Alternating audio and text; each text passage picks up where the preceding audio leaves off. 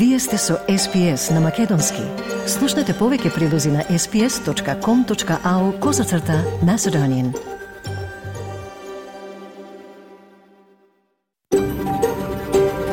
SBS, a world of difference. You're with SBS Macedonian on mobile, online, and on radio. Вие сте со SPS на Македонски на мобилен, преку интернет и на радио. СПС им одава признание на традиционалните собственици на земјата од која ја емитуваме програмата, народот Варанджери Вој Варанг, на нацијата Кулен, минати и сегашни. Добар ден, за наредните 60 минути со вас ќе биде Маргарита Василева. Како и вообичаено ќе ги разгледаме најновите настани во Македонија, веднаш повестите, меѓу кои и постапката на македонците во Германија, кои решија дека ќе тужат македонската држава поради доцнењето на пасошите. Овој проблем предизвикува и намалување на туристичкиот промет, се жал жалат угостителите. Од домашните теми, жените од различно потекло се соочуваат со различни бариери во здравствениот систем и барат итни реформи. Нашиот денешен прилог известува за истрага предводена од владата на Викторија за женски болки, која се обидува да ги реши прашањата околу непропорционалните нивоа на хронична болка што ја претрпуваат жените. Подоцна во програмата уште еден дел од серијата разговори со поранешни и актуелни директори на обединета македонска диаспора за Австралија, Вашингтон, а денеска и за Македонија и Европа, господинот Гордан Јорданов, кој ќе дискутира попшено за некои од прашањата покренати во организацијата во последно време. Затоа останете со нас, следуваат вестите на СПС, сега со Радица Бојковска Димитровска. Радица повели. Благодарам Маргрита, добар ден и од мене. Во денешниот билтен околу 40 мажи наводно се однесени во притворниот центар на Науру откако со брод пристигнале во Западна Австралија. Втората поголемина болница во Газа целосно не работи по еднонеделната израелска обсада. Македонците кои живеат и работат во Германија се подготвуваат да ја тужат Македонија поради ситуацијата со пасошите. И поранешниот премиер Скот Морисон се обрати на протест во Сиднеј, организиран од христијански групи кои го осудуваат антисемитизмот. Слушајте на.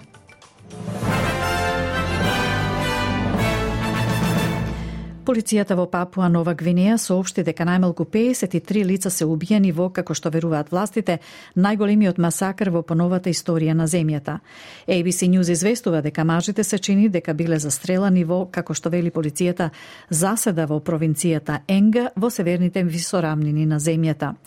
Регионот е познат по племенските борби. Според извештаи од полицијата на Папуа Нова Гвинеја, минатиот август, 150 луѓе биле убиени во провинцијата во текот на 2023 година. Се очекуваат повеќе детали во врска со случувањето. Независната сенаторка Джеки Лемби ги повика политичарите да не ги преувеличуваат прашањата за безбедноста на границата по пристигнувањето на брод со баратели на азил, но предупредува дека може да има проблеми за владата ако пристигнат уште бродови. Околу 40 мажи кои пристигнале со брод во оддалечените делови на Западна Австралија минатата недела наводно биле однесени во австралискиот притворен центар за имиграција на Науро. Мажите наводно од Пакистан и Бангладеш биле откриени во близина на оддалечена домородна заедница близу до поранешната западна австралиска црковна мисија во Бигл Беј. По тоа соопштение беа разменети остри зборови меѓу премиерот Антони Албанезе и лидерот на опозицијата Питер Датон, кој вели дека граничните операции на Австралија ослабеле под владата на Албанезе. Независната сенаторка Джеки Лемби вели дека би сакала премиерот да излезе со посилна порака до потенцијалните баратели на азил и да ги предупреди дека ако пристигнат овде ќе завршат во офшор притвор, а не во Австралија. I wouldn't say that we've lost control, but certainly there must be chatter out there. I'm yet to hear the Prime Minister making a huge statement out of this to give that a warning and say if you come here, you will end up in offshore detention and you will not end up in Australia. And I think that needs to be made very, very clear. And I suggest he get on with that um, as a sense of urgency, to be honest, because I can tell you now, you start getting those voter arrivals here, I'd say his government's all but over. Застапниците на барателите на азил пак ги повикуваат политичарите од целиот спектар да, спектар да не ја политизираат нивната мака. Најавата беше проследена со критики од страна на лидерот на опозицијата Питер Датон, кој премиерот Антони Албанезе ги нарече контрапродуктивни за загриженоста за националната безбедност. Јана Фаверо, директорка за системски промени во Ресурниот центар за баратели на азил, вели дека користењето на ова прашање за политичка добивка ја игнорира хуманоста на луѓето кои бегаат во Австралија. We are really appealing to politicians to not politicise this issue, to focus on people. This is about people, it's not about politics. There are policies and laws in place to ensure that people can be safe when they are fleeing. So it's it's not new news, and people will always leave by whatever methods they can if their life's in danger. Ново истражување на јавното мислење покажува дека австралиците во голема мера ги поддржуваат новите промени на владата на Албанезе во третата фаза даночни намалувања, но политиката досега не успеа да добие поголема поддршка. Намалувањата ќе доведат до намалување за сите даночни обврзници, при што 84% ќе имаат поголема корист, отколку што би имале според првичната шема на коалицијата. Најновата анкета на Австралискиот финансиски преглед покажа дека 44% ги поддржуваат новите промени, во споредба со 15% кои се противат на истите. Анкетата покажува дека лабористите се држат стабилно и водат во предпочитаните двопартиски гласови со 51% наспроти 49, додека Антони Албанезе води пред Питер Датон како попосакуван премиер со 42 наспроти 38%. Опозицијскиот лидер Питер Датон изјави за програмата Today на телевизискиот канал 9 дека е на мислење дека лабористите не добиле поддршка за намалување на даноците, бидејќи господин Албанезе го прекршил изборното ветување со цел да ги направи промените. The Prime Minister's, you know, just flat out lied to the Australian people about tax cuts. Uh, when you point that out, people, you know, get that that's what happened. They don't like it, uh, and they probably don't like you pointing it out. But I think what it shows is that you know, the government's in real trouble when they can spend the money they did, tens and tens of billions of dollars, on tax, tax cuts, and it doesn't move the dial, you know, even a single point. So uh, it's a contest uh, running, running up to the next election, but uh, still a long way to go. Здравствените власти на Обединетите нации велат дека недостигот на гориво и израелските напади ја ставиле втората по големина болница во појасот Газа целосно надвор од функција. Портпаролот на Министерството за здравство на Газа вели дека болницата Насер во јужниот град Кан Юнис нема струја и нема доволно персонал да ги, да ги лекува големиот број пациенти кои се уште се засолнети таму. Повеќето болници во Газа се ставени надвор од функција поради борбите и недостигот на гориво, оставајќи 2,3 милиони жители без соодветна здравствена заштита, додека палестинските здравствени власти велат дека од 7 октомври речиси 29.000 луѓе се убиени.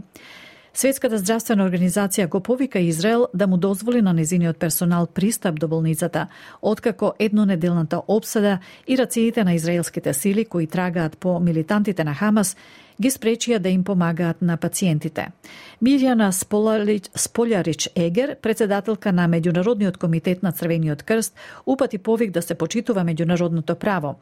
Војната не е без законски простор, рече таа, и додаде дека не е дозволено некоја од страните да прави што сака во војната ситуација и да победи во војната по секоја цена на сметка на цивилното население. War is not a lawless space. You're not allowed to do everything you want in a war situation. You cannot win a war at all costs at the expense of the civilian population. You cannot dehumanize the other side. Македонците кои живеат и работат во Германија и упатија порака на македонската влада дека доколку до 23 овој месец не го повлече решението за поништување на пасошите, ќе ја тужат државата. Роберт Кленковски, председател на Централниот совет на македонците во Германија, за ТВ24 изјави.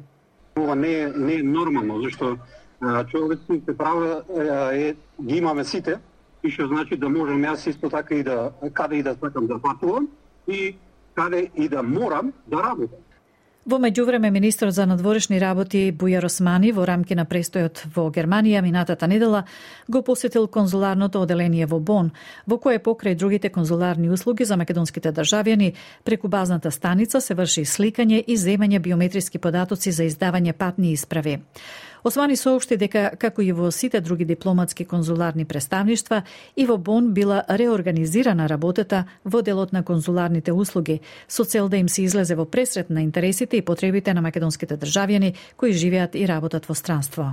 Донесовме уште еден апарат за сликање, тоа значи на две станици ќе се работи паралелно и ќе се скрати на пола колку што се чекаше пошто Бон е нај најфреквентното, значи број 1 из цел свет.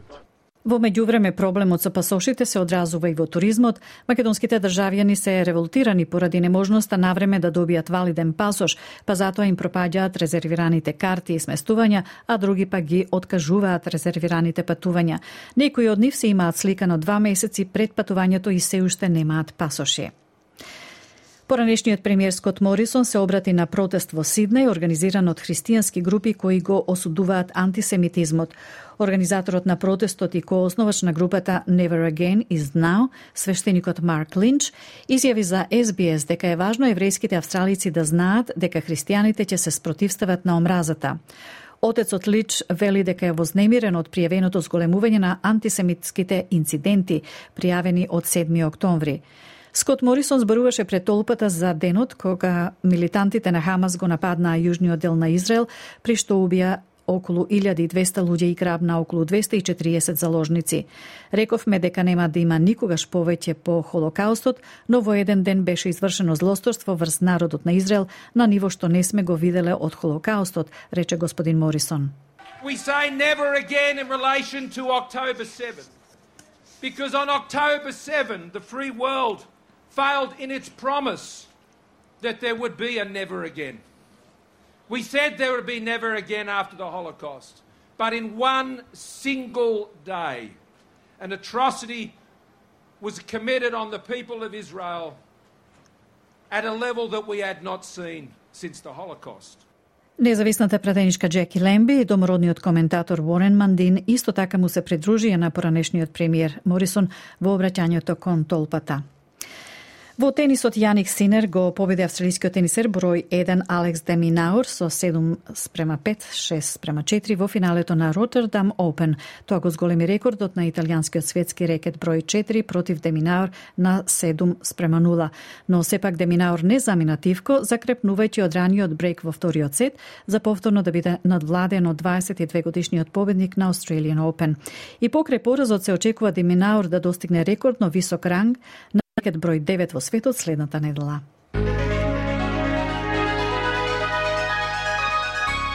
Од најновата курсна листа, денеска еден австралиски долар се менува за 0,6 евра, 0,65 американски долари и 37,07 македонски денари. Еден американски долар се менува за 56,8 македонски денари, а едно евро за 61,2 македонски денари.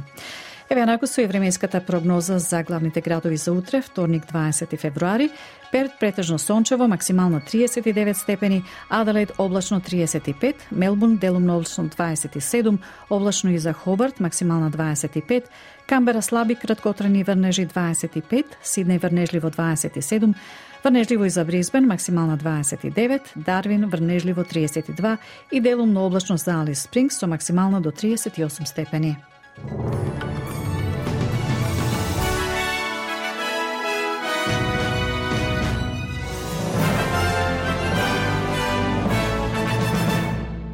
Благодарам Радица. Денешниот билтен вести на СПС со Радица Бојковска Димитровска ќе биде достапен на нашите веб и фейсбук страници малку подоцна во денот, заедно со комплетната програма.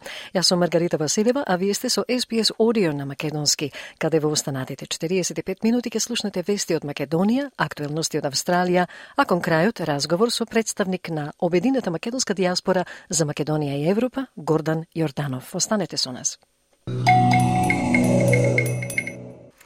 Во денешниот извештај од Македонија, неколку главни теми, македонците во Германија ќе тужат македонската држава поради доцнењето на пасошите. Овој проблем предизвикува и намалување на туристичкиот промет, се жалат угостителите. ВМРО ДПМН ветува дека кога ќе дојде на власт, автопатот Кичево Охрид ќе го заврши до 2026 година. На овие и други теми од Македонија денеска се јави нашиот редовен соработник Бране Стефановски.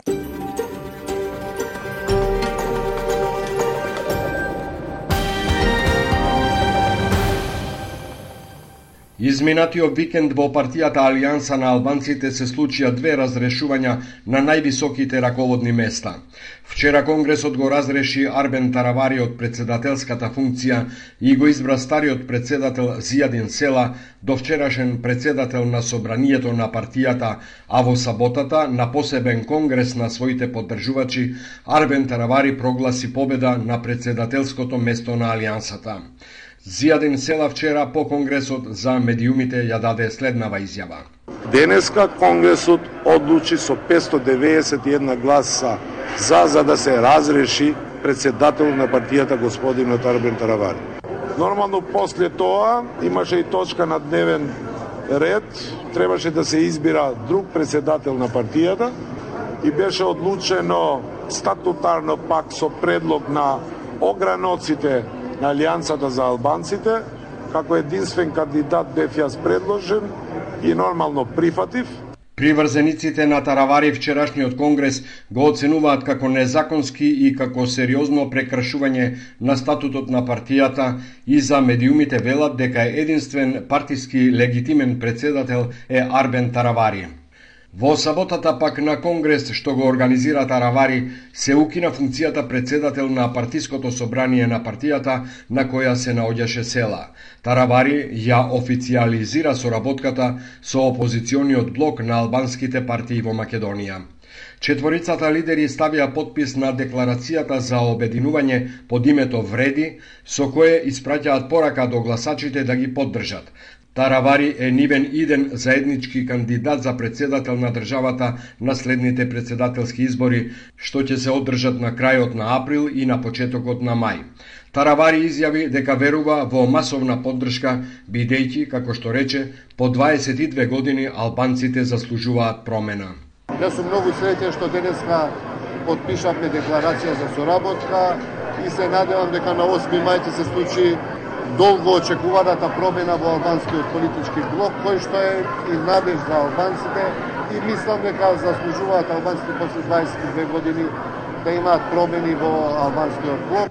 Кавката во оваа партија настана откако неодамна председателот на партијата Арбен Таравари премина во опозиција, односно ја напушти коалицијата СДСМ ДУИ и му се приклучи на блокот опозициони партии на албанците Алтернатива Беса и Демократското движење обединети под името Европски сојуз за промени.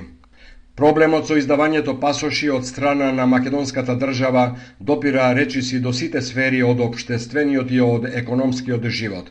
Македонците од Германија и упатија порака на македонската влада ако до 23 овој месец не го повлече решението за поништување на пасошите, ќе ја тужат државата. Роберт Кленковски, председател на Централниот совет на македонците во Германија, за ТВ24 изјави. Веќе термини добиваат за октомбар, октомбар 2024. Што значи тие истите луѓе се приморани де факто само во Германија да седе, да чекае до октомбар, додека дојде нивниот термин, па да се сликаат и не се знае кога ќе го добие неговот патш. Ова не е, не е нормално, зашто човечните права е, ги имаме сите, и што значи да можам јас исто така и да каде и да сакам да патувам и каде и да морам да работам. Во меѓувреме, министерот за надворешни работи Бујар Османи во рамките на престојот во Германија минатата недела го посетил конзуларното одделение во Бон, во кое покрај другите конзуларни услуги за нашите државјани, преку базната станица се врши сликање и земање биометриски податоци за издавање патни исправи. Османи соопшти дека како и во сите други дипломатско-конзуларни представништва и во Бон била организирана работата во делот на конзуларните услуги со цел излегување во пресред на интересите и потребите на нашите граѓани кои живеат и работат во странство.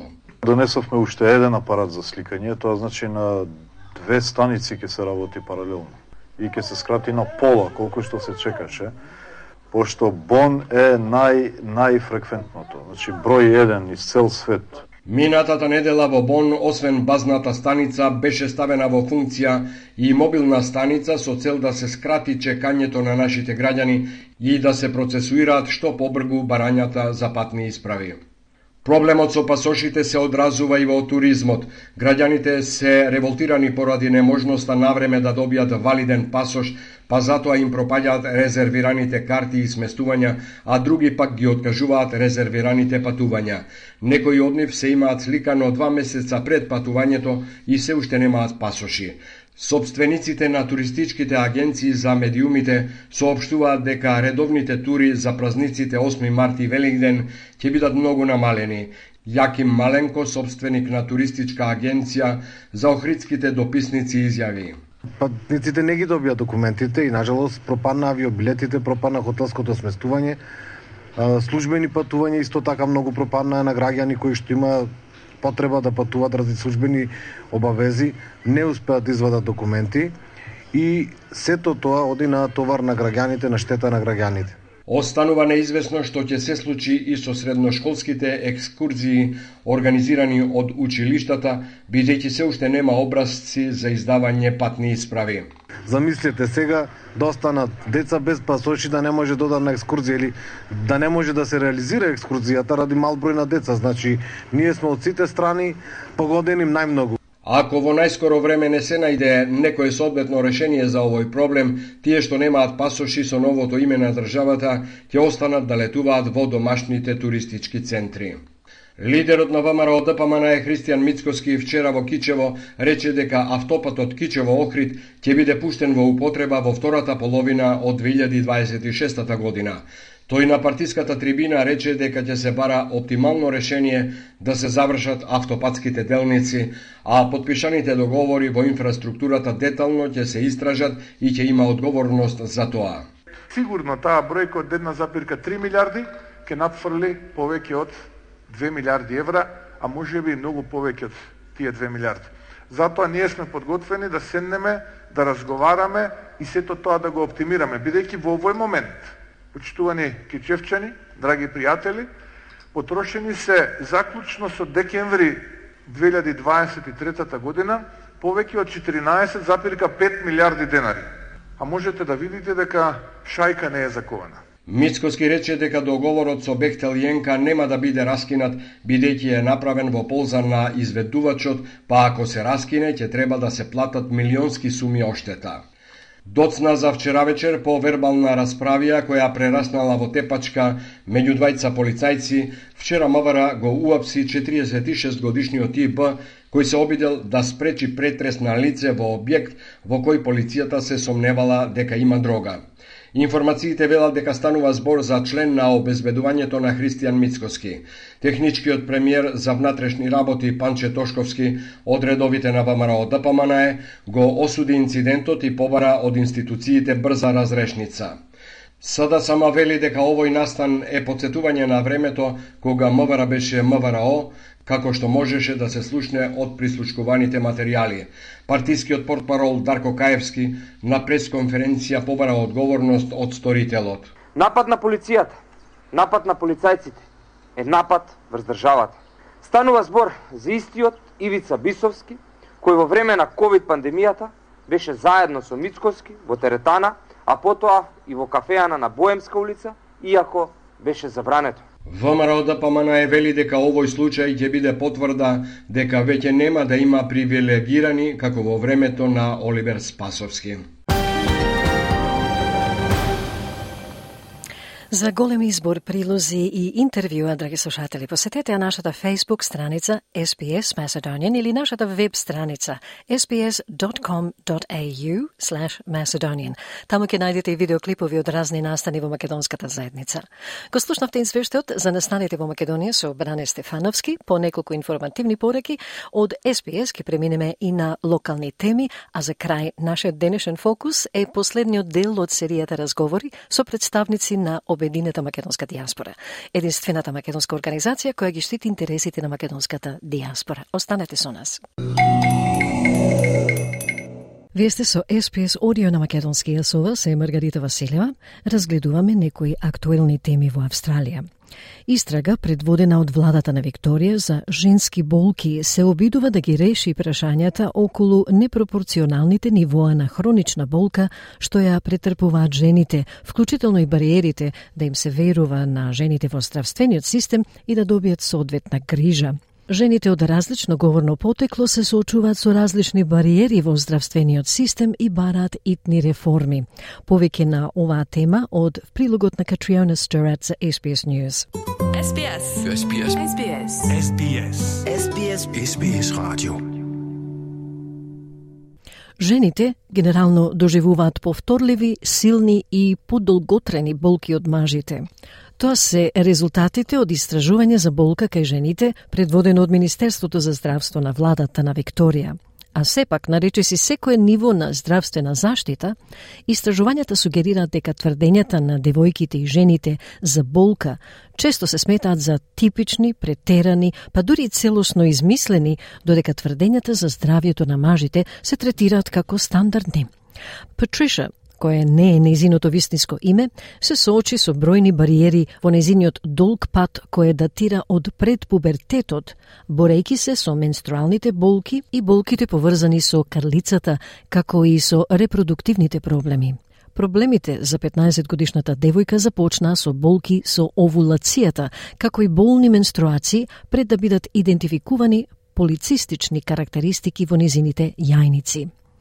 Патриша земала апчиња, но вели дека тоа дефинитивно не го решило проблемот со постојана интензивна болка и за време на менструацијата и надвор од неа пред да направи операција на дупчење на јајниците кога имала 19 години. Таа вели дека чувствувала дека управувањето со болката не бил приоритет на здравствените работници. Додека здравјето на Петриша беше стабилно некое време, болките повторно почнаа да се зголемуваат кога таа имала околу 24 години. Петриша вели дека се чувствувала многу удобно со незиниот гинеколог во тоа време, кој и сочинеше дека имал приоритет за справување со болката.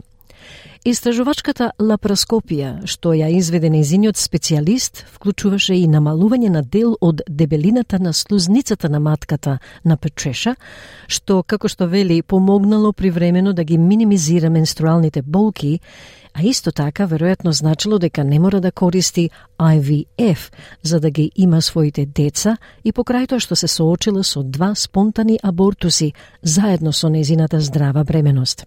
По раѓањето на незиното прво дете, Патриша уште еднаш доживеа силна болка. А со тоа дојде и слично чувство на отпуштање, па дури и ја натера да се сомнева во собствените искуства. Everything it was less about symptom management and it was all more about preserving fertility, you know? So anyway, he had sort of said, oh, we can do this procedure called ovarian drilling. And where what we do is we use like a, a laser and essentially poke a whole pile of holes in that polycystic ovary, which will kind of reduce the size and it can preserve fertility for later. Um, and it should give you some symptom control. So it was like the comfort was secondary to the baby factory. Увидите што го потикна истражувањето во Викторија дојдоа од искуствата на над 1700 испитаници кои учествуваа во истражувањето за здравјето на жените во 2023 година, опфаќајќи области од сексуално и репродуктивно здравје, ментално здравје, бременост и раѓање, менопауза и болка. Истражувањето откри дека 46% од учесничките главно или ја добивале потребната нега, но една третина од учесниците исто така изразиле загриженост за доцнењето на услугата и недостатокот на поврзана грижа. И кога станува збор за хронична болка, неверојатни две петини од жените го пријавиле ова искуство. Кейт Сија е професорка во Австралискиот истражувачки центар за секс, здравје и обштество на Универзитетот Латроб и заменик председател на истражувањето за болка во Викторија. Таа вели дека пристапот е многу важен за представување на жените од сите средини. And I found the sonographer there very dismissive, very challenging. She was like, no, nah, everything looks fine. You don't even have, your ovaries aren't even that bad. And it was very much like, get over it. you know, I just kind of like grinned and bared it. And then it just got worse and worse. Луѓето кои страдаат од хронична болка имале речиси двојно поголема веројатност да имаат намален капацитет за работа од оние кои не страдале. Доктор Адел Мурдоло е извршен директор на Мултикултурниот центар за женско здравје и е член на Советодавниот совет за женско здравје за истрагата. Таа вели дека жените од мигрантско потекло или бегалци имаат поголема веројатност да ги користат услугите на почетокот за какви било услови и затоа се премногу застапени во акутниот сектор, кој генерално е краткотраен третман за потешка повреда.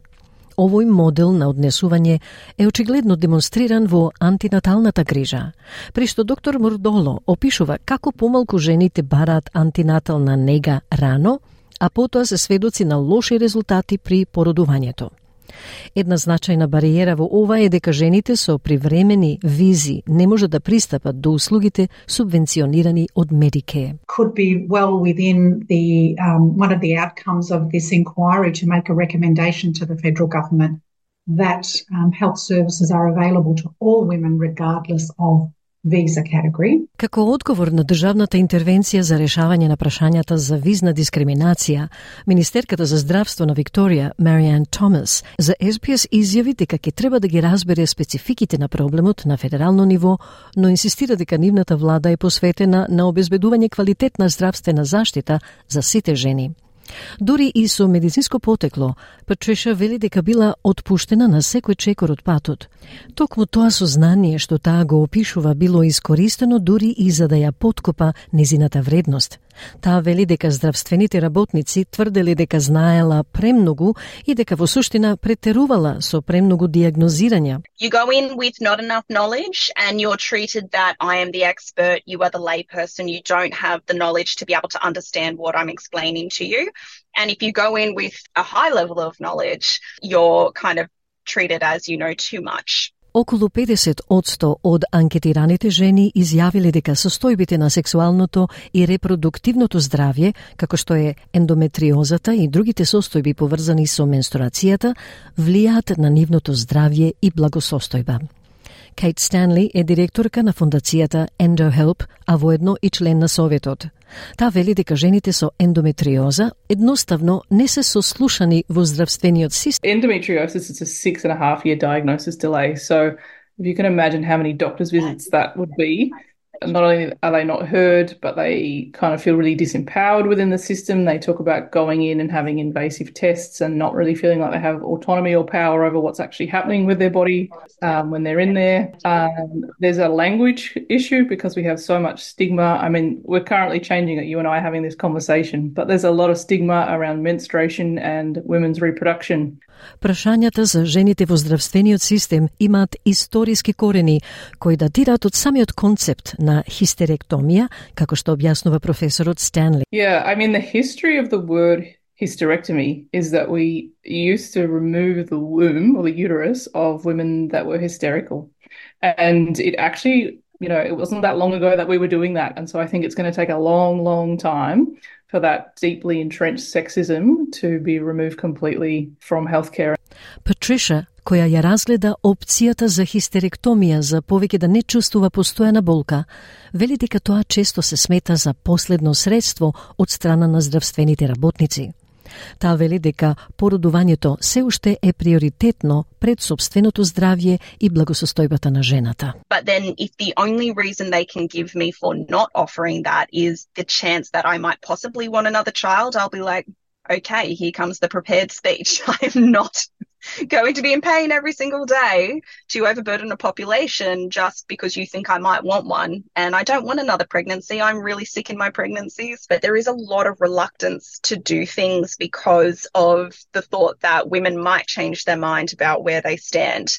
Yes, it's a huge operation. Yes, there can be inherent risks associated with it, but you are asking people to live in significant volumes of pain every day on the off chance they might change their mind.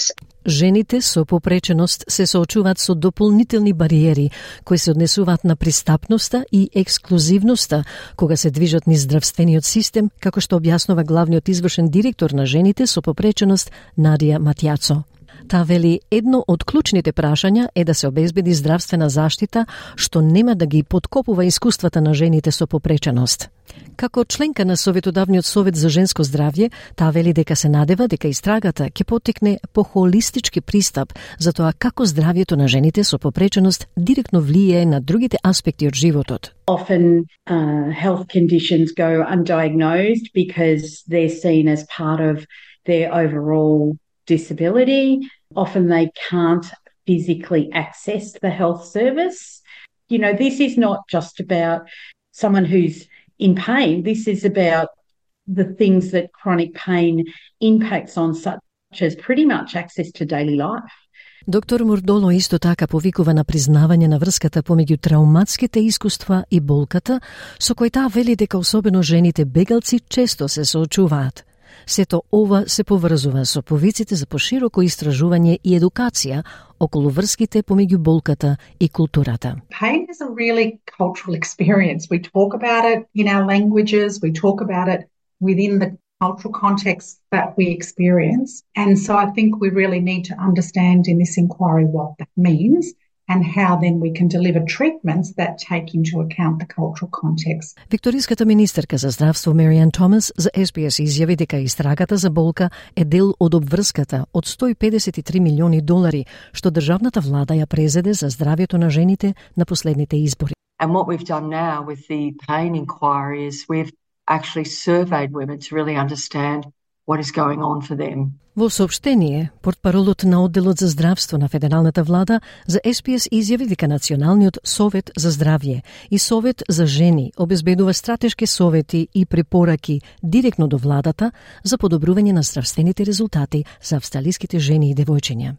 Се вели дека Советот разгледува четири клучни области, вклучително и безбедноста, истражувањето, пристапот, грижата и резултатите. Исто така се вели дека владата инвестира 537 милиони долари во изминативе два буџета во мерки кои ги подржуваат резултатите од здравјето на жените, особено повикувајќи се на финансирање и клиниките за ендометриоза и карлична болка. За жените како Патриша се бара итна промена. If you want your babies to be safe, keep your women safe. I think we're in a stage where I think the reason we've got inquiries happening with so many things that purely affect a women based population is because we're saying it's enough. SBS на Македонски. Споделете ги нашите приказни на Facebook. Тоа беше прилогот за истрага предводена од владата на Викторија за женски болки кои се обидува да ги реши прашањата околу непропорционалните нивоа на хронична болка што ја претрпуваат жените, вклучително и бариерите да им се верува на жените во здравствениот систем и да добијат соодветна грижа. Слушнавте дека и жените од различно говорно потекло се соочуваат со различни бариери во здравствениот систем и бараат итни реформи. Да се надеваме дека истрагата ќе доведе до поголема информираност, што ќе помогне во воведувањето на поуспешни третмани, проблем кој го поднесуваат и претрпуваат половината од популацијата во Австралија. Денешните содржини, драги слушатели на Македонски, на SPS Audio ќе бидат достапни подоцна во денот на нашите веб и Facebook страници, а за прашања или коментари во врска со програмата, оставете порека на нашата Facebook страница. Останете со нас за разговорот со Гордан Јорданов од Обедината македонска диаспора за Македонија и Европа. На SPS Одио на македонски со вас е Маргарита Василева. Доколку ја следевте нашата програма минатата седница, драги слушатели, имавте можност да слушнете разговор со еден од директорите на Обединета македонска диаспора за Австралија, господинот Ордан Андреевски, и поранешниот председател на организацијата со сетиште во Вашингтон, господинот Мето Колоски. Тие разговори подоцна во текот на денов ќе бидат достапни и на нашата веб страница sbs.com.au косацрта Macedonian, како и на нашата Facebook страница. SBS Macedonian. Да подсетиме дека Обединета македонска диаспора ја отвори својата прва канцеларија во 2008 година во Вашингтон и се смета за водечка меѓународна организација која што ги застапува интересите на македонците кои живеат надвор од Македонија, а една од главните цели, како што кажува и самото име, е обединување на македонската диаспора широм светот – Во следниве минути збор му даваме и на господинот Јордан, односно Гордан Јорданов, директор на Обединета македонска диаспора за Македонија, представништво што служи како мост меѓу татковината и македонските заедници во другите држави. Денешниот разговор го води Радица Бојковска Димитровска. СПС на Македонски. Споделете ги нашите прилози на Facebook.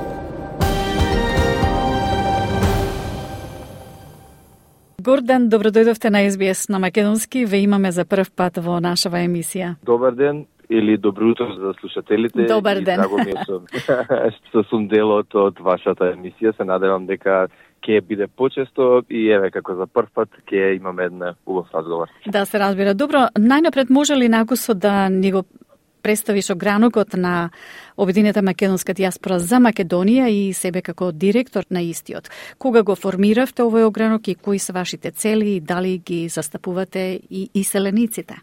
Огранокот или представништвото на ОМАДА Македонија е формирано во мај 2022 година од е, клучна потреба заради тоа што гледавме дека иницијативите на ОМАДА кои што траеле со години а, едноставно е многу подобро да се направат од луѓе, односно од логистички рамки натре во државата mm -hmm. и заради таа цел а, се одлучивме да формираме едно представништво на кое што ете јас сум а, директор за Македонија, кое ќе оперира, односно ќе ги канализира сите идеи и проекти натре во Цосковината а исто така ќе има можност и да се запознае повеќе и организира со нашата диаспора а, на европско ниво.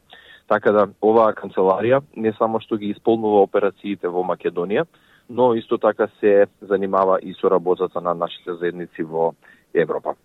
Гордан, во огранокот на Обединета македонска диаспора во Австралија, кај некои членови кои се за целосен престанок на односите со кој било представник на владино тело или организација од Македонија, значи тука спаѓаат и представниците во конзуларните тела надворот од Македонија, има еден вид негодување кога ОМД одржува врски со истите, ова нели настрана по промената на, на името на Македонија.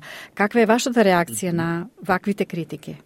Видете, моите реакции се дека омада како професионална една од најголемите организации во светот која што се представува правата и интересите на македонците ширно светот, мора да биде на масата еднаква со сите било кои представници на македонски иницијативи, во случајов македонски влади или конзуларни представници. Иако може би многу не се согласуваме со сите политики, и нико, не можеме да дојдеме до, да кажеме, такви потенцијални соработки, сепак сметам дека клучна е комуникацијата, заради тоа што можеме да најдеме како луѓе многу работи што не разединуваат, но мораме да се стребиме да најдеме работи што не обединуваат, а единствено нешто што не обединува е Македонија и македонската кауза. Затоа, а, како и сите други организации ширум светот, сметаме дека е клучно да се разговара и да се комуницира со сите оние представници кои што, а, да кажеме, моментално се на чело на а, владините а, позиции, но а, мислам дека а, не значи тоа дека ќе најдеме а, да кажам заеднички јазик за соработка, но секако дека ќе ги представиме нашите позиции. Да, какво е вашето искуство од кога сте формирани до сега во врска со таа комуникација? Па, не да ви кажам, јас мислам дека откако ја отворивме представништвото на ОМАДА во Македонија, а, имаме добра комуникација, отворени врати во сите институции, но сепак ќе кажам, за жал а, не значи тоа дека соработуваме на различен вид проекти, но гледаме да ги зближиме иницијативите, иако а, е многу тешко со моменталната поставеност и идеологијата која се води на државата. Ги слушаат ли вашите омада... загрижености кога им кажувате? Видите, сите можат да ги слушаат загриженостите. Проблемот е колку ќе има на тоа на некој начин последователни активности кои што ќе дојдат до реализација на интересите на, на диаспората. Сепак, наше е да, да ги кажеме, наше е да понудиме а, професионално представување на истите, а до владините представници колку тие ќе ги ќе ги прифатат. Морам да напоменам дека во Македонија ома да помогна да се направи таа национална стратегија за диаспора и акцијски план кој што беше гласан на влада во 2019 година и поддржан од Канцеларијата за емиграција при Обединетите нации. И сепак, после 2-3 години, повторно се сретнуваме за да направиме нови чекори за таа национална стратегија како да се имплементира клучно е за диаспората да биде институционализирана во Македонија за да имаме никаков глас. Моментално диаспората, да кажеме, лепди, односно нема никакво тело кое што се занимава со диаспората. Секако имаме и агенција, имаме и а, не знам, а, директорат во, при Министерство за надворешни работи, сепак немаме едно унифицирано тело на кое што ние ќе можеме да комуницираме и соработуваме. Заради тоа и така изгледа таа комуникација со владините институции заради тоа што има потполна некоординираност кога е во прашање диаспората, а тоа најдобро можеме да го видиме моментално со документацијата или реиздавањето на, на документите. Да, Гордан, какви акции имате и активности планирани за оваа година? За оваа година морам да кажам дека мораме да ги да, да ги одржуваме да кажеме тековните програми на ОМАДА. Главна е, точка е програмата Birthright Macedonија, mm -hmm која што е програма или Родум од Македонија се занимава со студенти а, со високо образование, студенти македонци со македонско потекло. А, трае три недели и им дава можност на студентите да дојдат и а, одржат пракса, а, професионална пракса во Македонија, да се запознаат со работната култура во Македонија. Другата работа што ја организираме е македонскиот симпозиум кој што беше организиран лани за прв пат и оваа година повторно ќе се ќе се организира. А, а исто така а, работиме на три нови а, програми, односно а, апликации кои што ќе бидат сервисни услуги за а, за нашите македонци. Тоа е а, апликација за медицински медицинско закажување или medical booking кој што ќе биде слична на booking што е за хотели, но ќе можат слободно да да закажат термини со со доктори, да нарачаат лекарства од фармацевски куќи, да порачаат испитување на не знам на крв во лаборатории и така натаму, така да е една модерна модерен пристап за а, најблиските а, или повозрастни лица кои што се во Македонија, а младите за жал а, нели се надвор од државата. Втората работа е за дневни употреби, односно доколку имате своји роднини кои што не кои што не се во можност да си ги исполнуваат своите дневни потреби од пазарување до плаќање на сметки и испраќање на подароци или доколку нашите луѓе сакаат да а, ги одржуваат своите домови или кога ќе се враќаат во тосковината да им биде чисто, тогаш ние ќе понудиме и одржување на тој а, недвижности или или real estate. И третата работа која што сакаме да ја да ја направиме е она апликација која што ќе ги обедини или ќе ни помогне да ги мапира а, македонците ширум светот и таа ќе представува еден вид македонски LinkedIn на која што а, работиме и се надеваме дека ќе ја оствариме во најбрз период.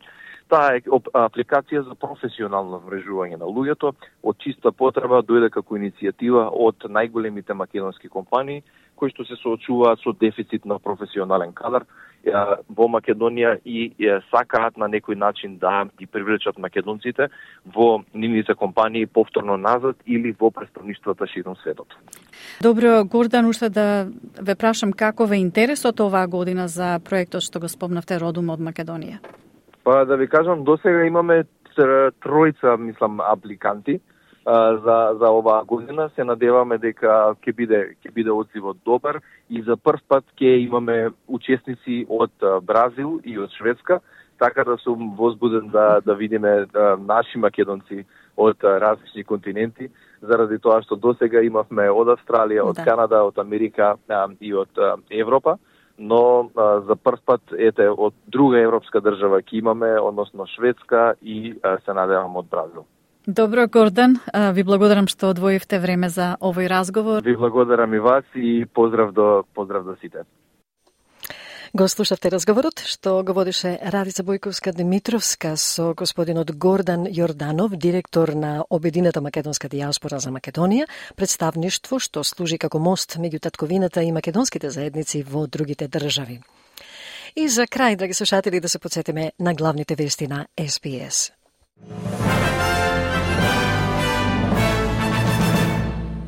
Околу 40 мажи наводно се однесени во притворниот центар на Науру откако со брод пристигнале во Западна Австралија. Втората по големина болница во Газа целосно не работи по еднонеделната израелска обсада.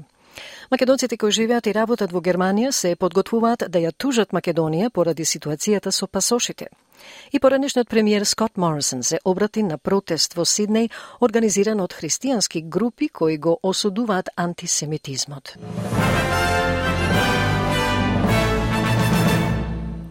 И тоа е се за денеска, почитувани слушатели. Благодарам што бевте со нас во изминатиот час. Ве очекуваме и утре во исто време, а во меѓу време за избор прилози, интервјуа и видеорепортажи на разни теми и од разни настани во македонската заедница. Посетете не на нашата интернет страница sps.com.au косацрта Macedonian или на нашата Facebook страница SPS Macedonian, каде можете да оставите и ваш коментар по тие содржини. До слушање до утре, а до тогаш од Маргарита Василева, пријател пријатен ден. Стиснете, ми се допаѓа, споделете, коментирајте. Следете ја SPS на Македонски на Facebook.